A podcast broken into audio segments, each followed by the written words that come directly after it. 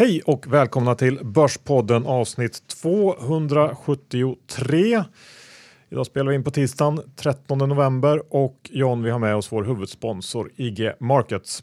Ja, och eh, nu när det har blåst till på marknaden här så tycker jag verkligen ni ska ha ett konto på IG eh, som ett komplement till er övriga portfölj. För det är både roligt, eh, lärorikt och förtjänstgivande kan det vara. Och ha ett konto där, där man kan blanka i princip alla aktier som finns på den svenska och även utländska marknaden. Dessutom får man sin egen kontaktperson på IG om man gör några affärer. Ja, och det är inte så dumt. Men kom också ihåg att CFDR innebär väldigt hög risk, så läs på ordentligt innan ni handlar. John, idag blir det rapporter igen. Det är fortfarande så att det dimper in ett antal rapporter. Eh, så det kommer vi prata om. Vi har ju också med oss vinnaren av Börspoddens case-tävling, vilket känns kul. Ja, det har ju varit en hel del eh, jobb med att gå igenom de här casen och jag tycker vi har hittat en värdig vinnare faktiskt. Eh, vi hade ju kanske sju, åtta personer som skickade in Minesto här och jag kan säga att de är skyldiga oss pengar. Så är det. Innan vi kör igång John, vi är sponsrade av Dagens Industri. Det känns kul. Eh, både du och jag läser ju Dagens Industri varje morgon och nu har vi ett supererbjudande till eh, Börspoddens lyssnare. Gå in på di.se Borspodden. Då får du 50% rabatt på DI digitalt, vilket innebär då att man bara betalar 200 kronor i månaden. Man får obegränsad digital tillgång till nyheter och analyser på di.se och i appen. Eh, man får eh, den här e-tidningen redan kvällen före, massor av aktiekurser i realtid med mera. Man kan skräddarsy hur man vill bevaka sina nyheter och sådär. Så att det här är ju ingenting att fundera på. Det är bara att gå in på di.se börspodden och signa upp sig. Johan Oxbergs Isaksson index 1525 och eh, ja, det är lite varannan dags börs samtidigt som det känns eh, skakigt. Vad är dina kommentarer? Ja, det känns lite skakigt. Uppstudsen som vi haft här sista veckan kanske kom av sig och eh, jag vet inte vad man ska säga riktigt, men det, det, börjar kännas svagt igen helt enkelt. Men vi får se, det är ju lite sån här period nu och, och snart så går vi också in i i eh, en säsongsmässigt bättre period så att det kanske är, är, så att vi ska upp lite grann. Vem vet, vi får se. Eh, men jag läste i eh, DI att vi eh, under oktober nu fick det största utflödet ur aktiefonder sedan grekkrisens dagar 2011. Spararna sålde aktiefonder för drygt 21 miljarder kronor och eh, en fond som har drabbats hårt är Robur Ny Teknik. De eh, har tappat eh, eller haft utflöden på 3,6 miljarder kronor under oktober. Det är inte så lite pengar. Nej, inte alls. Nej.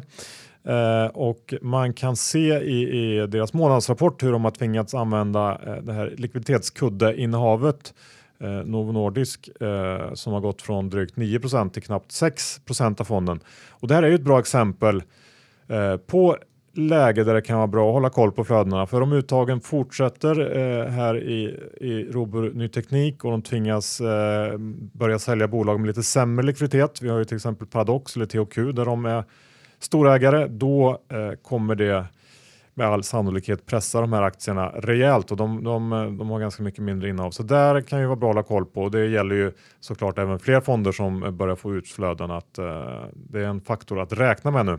Ja, men ganska smart av dem ändå att ha den här kudden, för annars hade det varit eh, betydligt tuffare i många bolag. Ja. Vad har du att säga om eh, rapportreaktionerna då under eh, rapportperioden? Ja, men det har ju blivit mer och mer tokiga reaktioner. Förra veckan hade vi en dag då Leo Vegas gick ner 27 procent, Mips, det här hjälmbolaget, gick upp nästan 30 procent, Eltel gick ner 28 procent och sen IT, eller, eh, teknikkonsulten Projekt Engagemang gick ner 25 procent. Eh, och då känns det ändå som att det har blivit något litet fel i förväntningarna och eh, det skadar väl ändå börsens förtroende lite när det blir som Lotto på rapportdagar. Eh, och jag undrar egentligen vems fel det här är. Att, är det analytikernas fel som har blivit för dåliga på att analysera bolagen eh, eller har för lite tid per bolag? Eller är det bolagen som guidar alldeles för dåligt och gör det omöjligt att ens veta i närheten eh, hur de här resultaten kommer bli? Men jag tror att vi har en annan syndabock, Johan. Ja. Och ja, det är den här extremt automatiserade handeln som gör att eh, datorerna via sina köp eller säljsnurror eh, kan trycka aktiekurserna till helt eh, verklighetsfrånvända eh, eh, nivåer. Och det gäller både på upp och nedsidan. Eh, Senolato här i somras som under väldigt tunn handel gick upp till 800 och nu gått ner till 400 och eh, under 400 till och med. Det finns ju hur många exempel på, som helst eh, eh, och det här gynnar ju oss får man säga Johan, som är traders, men jag tror det är många andra som det eh, missgynnar faktiskt. Ja, du har nog eh, en poäng där och sen har det väl inte heller hjälpt de här nya Mifid 2-reglerna som, som har gjort att eh, vi får allt färre estimat och, och, bankerna kan inte dela med sig av konsensusestimat och så vidare. Så att, eh, jag vet inte, regler som är tänkta att eh, hjälpa känns som att de mer eh, skälper. Ja, håller borta alla myndigheter från börsen. Mm.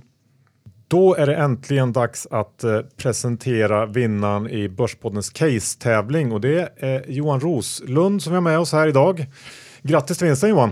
Ja, stort tack! Det är superkul att få komma hit och supertaggad att dra caset också. Ja, det ska du få göra. Hur känns det? Nej, det känns jättebra. När jag fick mejlet igår där så, så blev jag otroligt glad och det var det kändes lite som en eh, reinkarnation lite för eh, samma dag så hade jag fått ett mejl från, från eh, Peppins att mina aktier i Kronfönster hade gått i konkurs. Och det motsvarar ungefär två Spiltan aktier så att eh, eh tack Per för den. Bra. Då... Even Steven, det ska man vara nöjd med som vanligt på aktiemarknaden. Men eh, Johan, du kan väl bara kort ge en liten bakgrund vad du gör, vad, du, vad kommer ditt aktieintresse ifrån och sådär. Vad, vad, ja, Hur gammal du är? Jag är 32 år. Mitt aktieintresse började tidigt. Jag började i Ung Aktiesparare och har varit förbundsordförande fram till i, höst, eh, i våras. Eh, just nu så jobbar jag som investment manager på ett eh, venture capital-bolag här i Stockholm. Bra. Ja, men då har vi valt en eh, duktig kille här. Nu har vi höga förväntningar på caset. Ska vi eh, gå direkt på caset då helt enkelt? Alla är väl spända på att få höra vinnar, vinnarcaset. Ska jag avslöja vilket bolag det är? Gör det. Ja, för de drar lite, lite bakgrund till det också, för Vostok Emergent Finance är inte så känt. Um, det började med att Lundinfamiljen eh, knoppade av eh, bolaget från Vostok Nafta och noterade det eh, 2015. Men det här är ett väldigt spännande case och eh, huvudsaken till att jag, jag tycker att det är köpvärt just nu är den stora rabatten. Så historiskt har det legat mellan 15 till 20 procent och just nu så är det över 30 procents rabatt. Um, och om man ska gå in lite på vad det här bolaget gör så har de eh, fintech, eh, en fintechportfölj eh, i olika länder globalt. Deras största innehav ligger i Ryssland, Turkiet, Brasilien till exempel. Just det. Eh, och ska vi dra lite de här underliggande bolagen som finns i portföljen. Eh, Tinkoff eh, är om jag inte minns fel det största bolaget va? Tinkoff är det största som också är noterat i London. Eh, och det intressanta med det bolaget är att det är eh, man tror att det är en rysk bank, men egentligen, jag var själv och besökte i Moskva.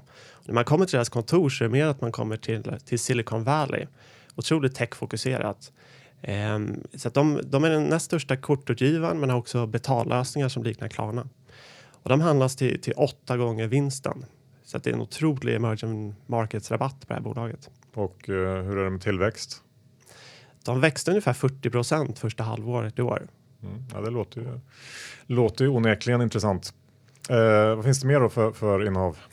Men om man gillar Fortnox till exempel så har de motsvarigheten till Fortnox i Brasilien de har också ett bolag i, i Brasilien som är som Tink, alltså drar ihop hela din privatekonomi.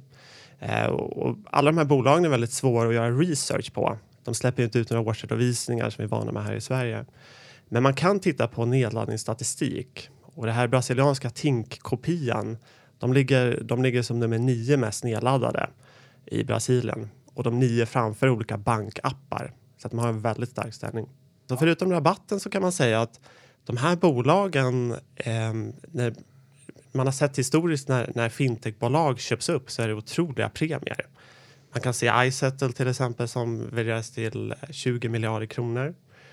Um, så att jag tror att många av de här, till exempel deras turkiska Klarna eh, kopia som har H&M och Amazon som kunder bland annat skulle kunna vara en munsbit för, för Paypal om några år. Um, en annan intressant grej är att de senaste tre åren så har det bara varit insiderköp och inga försäljningar av insiders i bolaget. Ja, berätta lite, hur ser ägarbilden ut på hela bolaget? Ja, men det som är ganska intressant är att den här eh, Sequoia-fonden som eh, förvaltas av Rand Caniff som bland annat nu har gått in i Catena Media nyligen har, precis, har varit ägare ganska länge i Vostok Merdian Finance. Största ägare är en, eh, ett eh, family office i New York som heter Luxor. Går det att få något typ av eh, P-tal på bolaget? Ja, förutom Tinkoff så, så går alla de andra bolagen med förlust. Men det är ju när man bygger upp såna här, den här typen av bolag så handlar det om lite, lite land grab. Så det är egentligen inget man ska, ska, und, ska oroa sig för just nu. Så hur ser det ut? Med, har de någon kassa? De har en ganska stor kassa och planen är också att man, man reducerar det här Tinkoff-innehavet för att kunna investera i nya spännande bolag. Okej, okay.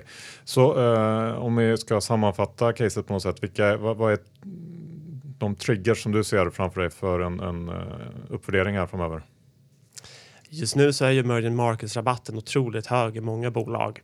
Eh, så jag tror att skulle man få några exits i några bolagen till, till höga multiplar så skulle man inte bara eh, gagna sig den exitvinsten utan också värdera ut resten av portföljen. Så det skulle kunna bli riktigt smaskigt. Aktien handlas nu i 1,90 ungefär. Eh, vad ser du för kurser? Men jag tror att eh, sånt här bolag kanske ska handlas till en eh, 10-15 procents eh, substansrabatt. Eh, och lägger man den på dagens kurs så får man ju, får man ju direkt ett bra uppställ och sen så över tid så, så den här typen av VS-investeringar skulle jag säga ska, kan yielda en, en 15-20 procent per år. Hur långsiktig är du själv i caset? För jag antar att du själv har aktier. Mm, absolut. Men jag ser väl en treårs, treårsperiod att få de här bolagen att, att blomma ut.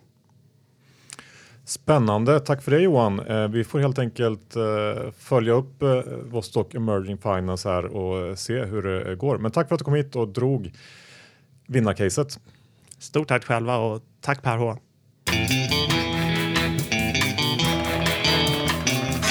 John, har du sett att snön redan har börjat komma till Alperna. Eh, I Cervinia som jag ska till såg jag att det hade kommit eh, typ en och en halv meter nysnö nu senaste veckan och eh, det är ju härligt. Ja, du har pratat om det typ varje dag så att eh, ja, jag vet om det. Ja. Och då är det ju eh, passande att vår sponsor STS Alpresor har premiär för sina mm, sista minuten-resor eh, inför jul och nyår idag. Så att eh, alla gillar ju en bra deal och nu kan man åka ner till Alperna för endast 6 000 kronor per person eh, för flyg, boende och eh, dessutom då får man ju som Börspodden lyssnare 600 kronor i rabatt om man anger podd 600 när man bokar. Eh, ja, det är bra. Ja, det är väldigt bra. Och jag var inne och tittade häromdagen faktiskt. Det, eh, det är inte jättemycket resor kvar, så se faktiskt till och skynda fynda som de säger. Ja, men jag såg ändå att de hade en hel del. Det var både Sankt Anton, Bad Gastein, Sevilla som sagt och Ischgl till exempel. Så gå in på alpresor.se, boka en alpresa. John, då är det dags att snacka lite bolagsnyheter. Jag tänkte vi börjar med Ericssons kapitalmarknadsdag. Eh, vi pratade om eh, det för någon vecka sedan att det låg i korten att Ericsson skulle höja sina mål i samband med kapitalmarknadsdagen och så blev det också. Försäljningsmålet skruvades upp till intervallet 210-220 miljarder kronor eh, för 2020 och ligger nu då ganska exakt i linje med de konsensusprognoser som analytikerna har räknat fram. Och i övrigt så upprepar man marginalmålet med en ebit-marginal över 10% 2020 och preciserade också att det långsiktiga marginalmålet om 12% ska nås senast 2020. Eh, som vi var inne på så låg mycket av det här redan kort eh, i aktiekursen. Eh, Aktien har gått rätt bra i år och reaktionen blev inte så stor.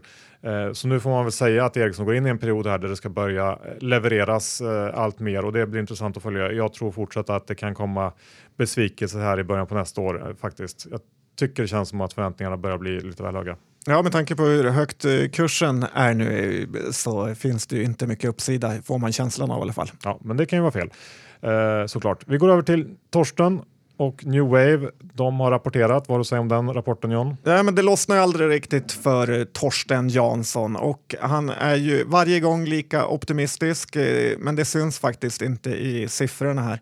Eh, såklart var sommaren ett problem för det här bolaget med. Man undrar ju lite vart alla pengar har tagit vägen den här sommaren.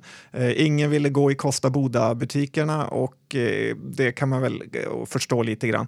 Det sjukaste av allt med hela New Wave är ju ändå varulagret det, Banken. Ja, verkligen. Det är uppe i 3,3 miljarder nu och eh, man börjar undra om det inte ligger någon liten eh, ko eller hund begravd. Det beror på vad man är rädd för.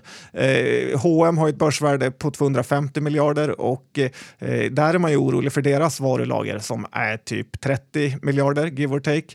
Eh, man undrar ju lite hur orolig man skulle vara om H&M hade ett varulager på 250 miljarder. Eh, visst, deras vita t-shirt säger man ju är inte så modeberoende, men eh, lite börjar man ju undra. Säg att varje t-shirt kostar 30 kronor att köpa in, så innebär det att Torsten har över 100 miljoner i t-shirts i lager och det kan han ju klä i princip hela norra Europa i. Så ja, jag är lite tveksam till det här. Ja, jag tycker också att det känns lite märkligt, eh, helt enkelt. Ska vi eh, också ta ett eh, riktigt litet bolag här som har, är väl kanske veckans vinnare. Jag tänker på My Taste som fick eh, nya ägare i form av eh, mm, Optimizer Ja, eh, pengamaskinen Henrik Ekdahl Persson har gjort det igen. Han gick in via Optimizer som du sa och eh, köpte huvudägarposten. Eh, aktien har gått upp 200 procent eh, på två dagar. Eh, My Taste eh, är väl en receptsajt eh, Eh, på mat kan man säga och eh, har många sidor och bloggar runt hela världen. Eh, det är lite oklart vad han ska göra här känner jag, men också är det en helt annan bolagsklass än den han brukar gå in i. Nu snackar vi ett bolag kring 150 miljoner efter uppgången. Johan, vad säger du? Ja, MyTaste var ju lite i ropet för några år sedan, kommer jag ihåg. Eh, jag var och träffade dem, och, eh, men det blev liksom aldrig någonting av det riktigt. Det tog inte fart och sen har väl aktien gått ganska dåligt va, sista åren. Men om det är någon som kan få fart på det här så är det väl eh, Henrik Persson Ekdal och eh, hans eh, kollegor där. Så det blir intressant att följa. Ja, det börjar bli en sån dröm när han går in i ditt bolag. Då vet du att det, det, är bättre än bud. Ja. Eh, sen tänkte jag ta ett litet eh, verkstadssvep med ett par av bolagen som vi inte har pratat om som har rapporterat. Hexagon har rapporterat och det kan vara värt att ägna en liten stund åt. Siffrorna här var hyfsat inline, både omsättning och resultat något bättre än väntat. Eh, höga investeringar eh, drog ner kassaflödet som väl var den svagaste punkten i Hexagons Q3. Inför så fanns det en del oro kring utvecklingen i Kina eftersom det har kommit en hel del indikation, indikationer på att ekonomin har saktat in där. Men Ola Rolén kommenterade Kina och sa att bolaget inte alls eh, märkt av det, eh, eller i alla fall inte särskilt mycket. Och inte heller inom fordonssektorn så har Hexagon sett några svaghetstecken och där skiljer man ju sig ändå från de flesta andra verkstadsbolag som haft tydliga problem i just den sektorn. Eh, lite mystiskt kan jag tycka för att det känns som att eh, Hexagon borde väl inte vara de enda som tycker att det går bra i, i fordon. Jag vet inte, vad tror du? Nej, man ska ju eh, alltid betta med Ola så att jag tror att eh, han har rätt. Ja. Eh, eller så bara ligger de i någon olika, olika fas investeringarna som kunderna gör i Hexagons prylar och versus de andra. Vi får se. Men tittar man på värderingen så hör eh, Hexagon ändå till de lite dyrare bolagen i sektorn. Jag har svårt att se någon större uppsida just nu, eh, speciellt eh, om då konjunkturen skulle vika ner trots att Ola då inte ser några sådana indikationer just nu. Så att jag eh, avvaktar lite för, med, med Hexagon helt enkelt. Ja, det gör man nog rätt i på de här nivåerna. Det finns eh, billigare aktier. Och sen kan vi väl ta en, en kommentar också om SKF, eh, även om det var någon vecka sedan den rapporten kom. Eh, där var heller inte mm, Q2-siffrorna någon större överraskning. Eh, SKF sänkte sin outlook ett snäpp till att efterfrågan väntas bli något högre för koncernen och det Eh, det låg väl delvis i korten, en del spekulerade det inför, men ehm, jag, ser också att många analytiker nu börjar tycka att SKF är för billigt. Eh, aktien handlas värderingsmässigt runt 10 års lägsta, men jag är ändå tveksam. Eh, antagligen var Q3 den sista riktigt bra kvartalet för SKF och jag tror att det kommer bli sämre härifrån. Men tror man på E1 då i analytikernas PE så är det nog köp, men det gör inte jag så att det är väl som det ska tycka helt enkelt att den är billig. Låga multiplar på toppvinster. Så ska det vara. Ja, men det känns väl som att börsen eh, måste nästan skulle må bra av att få lite sänkningar av prognoserna så att man kan våga tro på bättre tider. Att det först måste komma lite regn. Ja, Eh, Eh, och på tal om regn, det kan man ju koppla ihop med nyemission.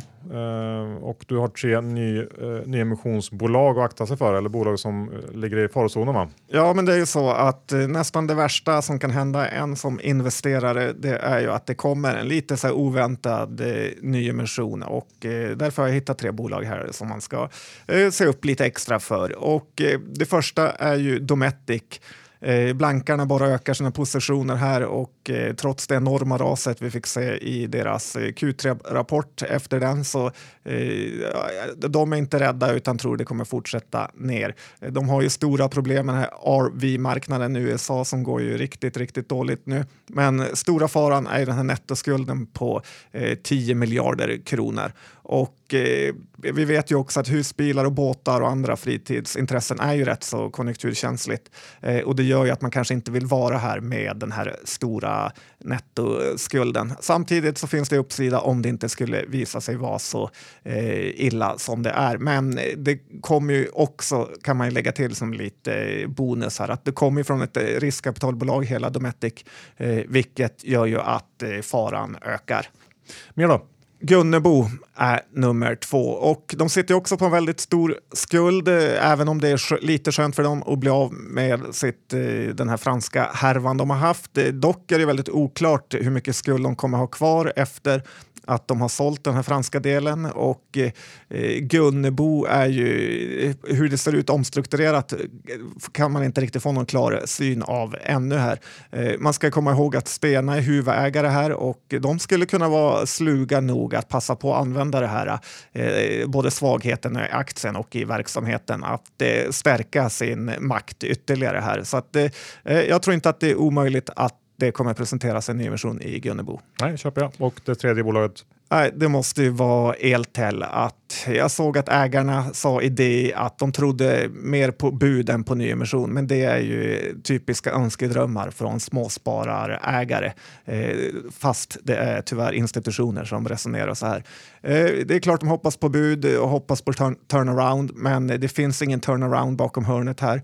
Eh, Eltel sa ju senast i rapporten att de har flera usla kontrakt som kommer följa med dem till 2020. Eh, så här ser jag nästan garanterat att vi kommer få se en nyemission. Ja, oerhörd härva som det där har blivit, tyvärr. Ett bolag som redan har annonserat nyemission är ju det här eh, rymdbolaget Gomspaceon. Laboul har ju håsat det här bolaget i flera år och gjort det till en liten eh, småspararfavorit. Nu eh, annonserar de ju en riktad nyemission på låga 10 kronor och det känns lite konstigt när aktien dagen innan stod i 26 här faktiskt. Eh, under 2017 i oktober, alltså just över ett år sedan, så stod aktien i 130 kronor, vilket var en toppnotering. Eh, det ska bli väldigt intressant att se vilka som är tagare i den här eh, nyemissionen. Börspodden har ju aldrig egentligen gillat Gomspace med anledningen till att deras marginaler är för dåliga och att ordrarna inte heller är några större volymer. Så att håller borta från den här aktien är ju mitt tips. Ja, verkligen. Och vi har ju, eh, kanske kan, när vi ändå är inne på, på aktier att hålla sig borta ifrån.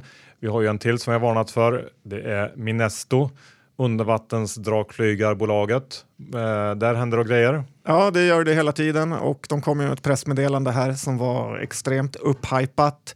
Eh, där Minesto skröt mycket med att de skulle göra Färöarna fossilfritt och hade ett eh, samarbete med Färöarnas eh, energibolag. Och eh, läser man pressmeddelandet lite närmare så framstår det mer som att eh, Färöarnas kraftbolag erbjuder sig att köpa den elen som Minestos eh, drakar kommer producera, eh, men att Minesto själva kommer få betala för det mesta. Och eh, det är ju lite som att man själv skulle installera solceller på taket och så skicka ut ett pressmeddelande att nu har man slutit ett eh, banbrytande avtal med Sveriges största kraftbolag Vattenfall och eh, man ser fram emot att göra Sverige fossilfritt. Så att jag känner ju, det här är ju ett bolag man verkligen, verkligen ska hålla sig borta från. Ja, jag håller helt med dig Ron och eh, tänker att vi går över till någonting eh, mycket roligare. Och då eh, är det ju Railers såklart som jag vill säga några ord om. kom med en eh, riktigt fin Q3 som var betydligt bättre än mina förväntningar. Viktor Svenssons arbete med att vända Railers börjar faktiskt ge resultat.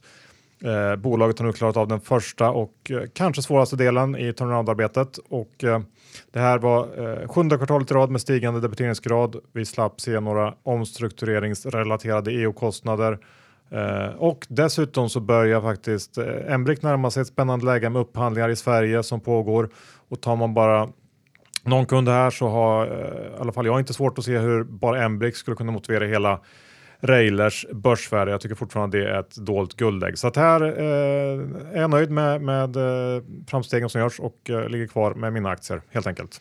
Lagom till lågkonjunkturen Johan. Ja, vi får se. Um, dessutom John, Leo Vegas tänkte jag ta en, eh, en kommentar om också. De kom med sin Q3 förra veckan och det var inte så kul för de som ägde den aktien. Eh, har gått dåligt eh, inför här eller sista tiden, sen i somras kanske eller i våras och eh, vi har ju ett tag varnat för eh, att det ryktades om eh, compliance-relaterade problem. Um, och eh, så var det kan man väl säga. Aktien rasade nästan 25 procent eh, på sin rapport som var sämre på egentligen alla punkter.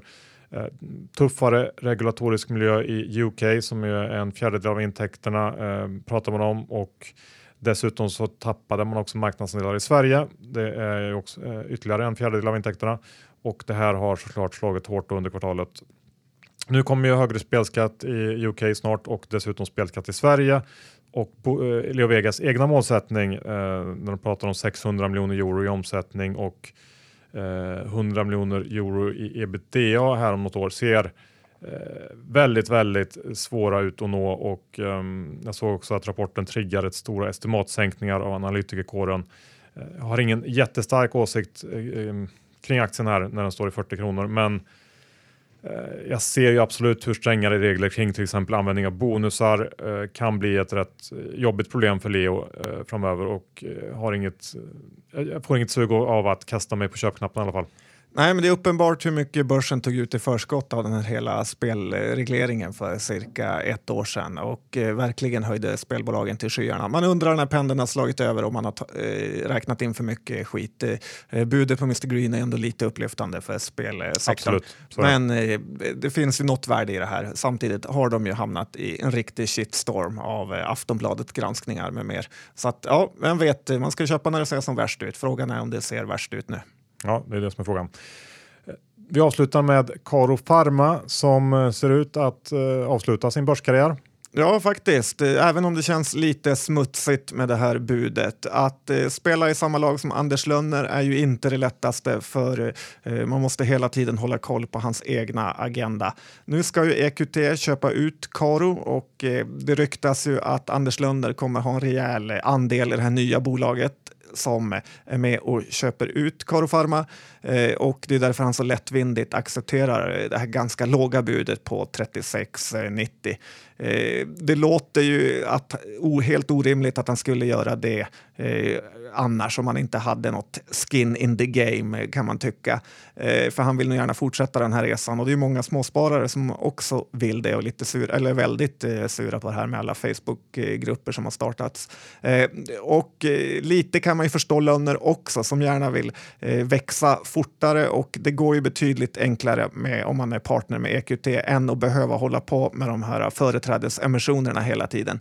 Eh, sen har han ju faktiskt den här insiderhärvan mot sig och det är ju lite jobbigt att sköta det när man är vd på ett eh, eh, börsnoterat bolag. Och eh, jag tycker dock att han får nog chippa upp lite mer för att göra det här rättvist. Eh, särskilt till alla småsparare som i vått och torrt faktiskt ställt upp eh, både för honom och för Karo.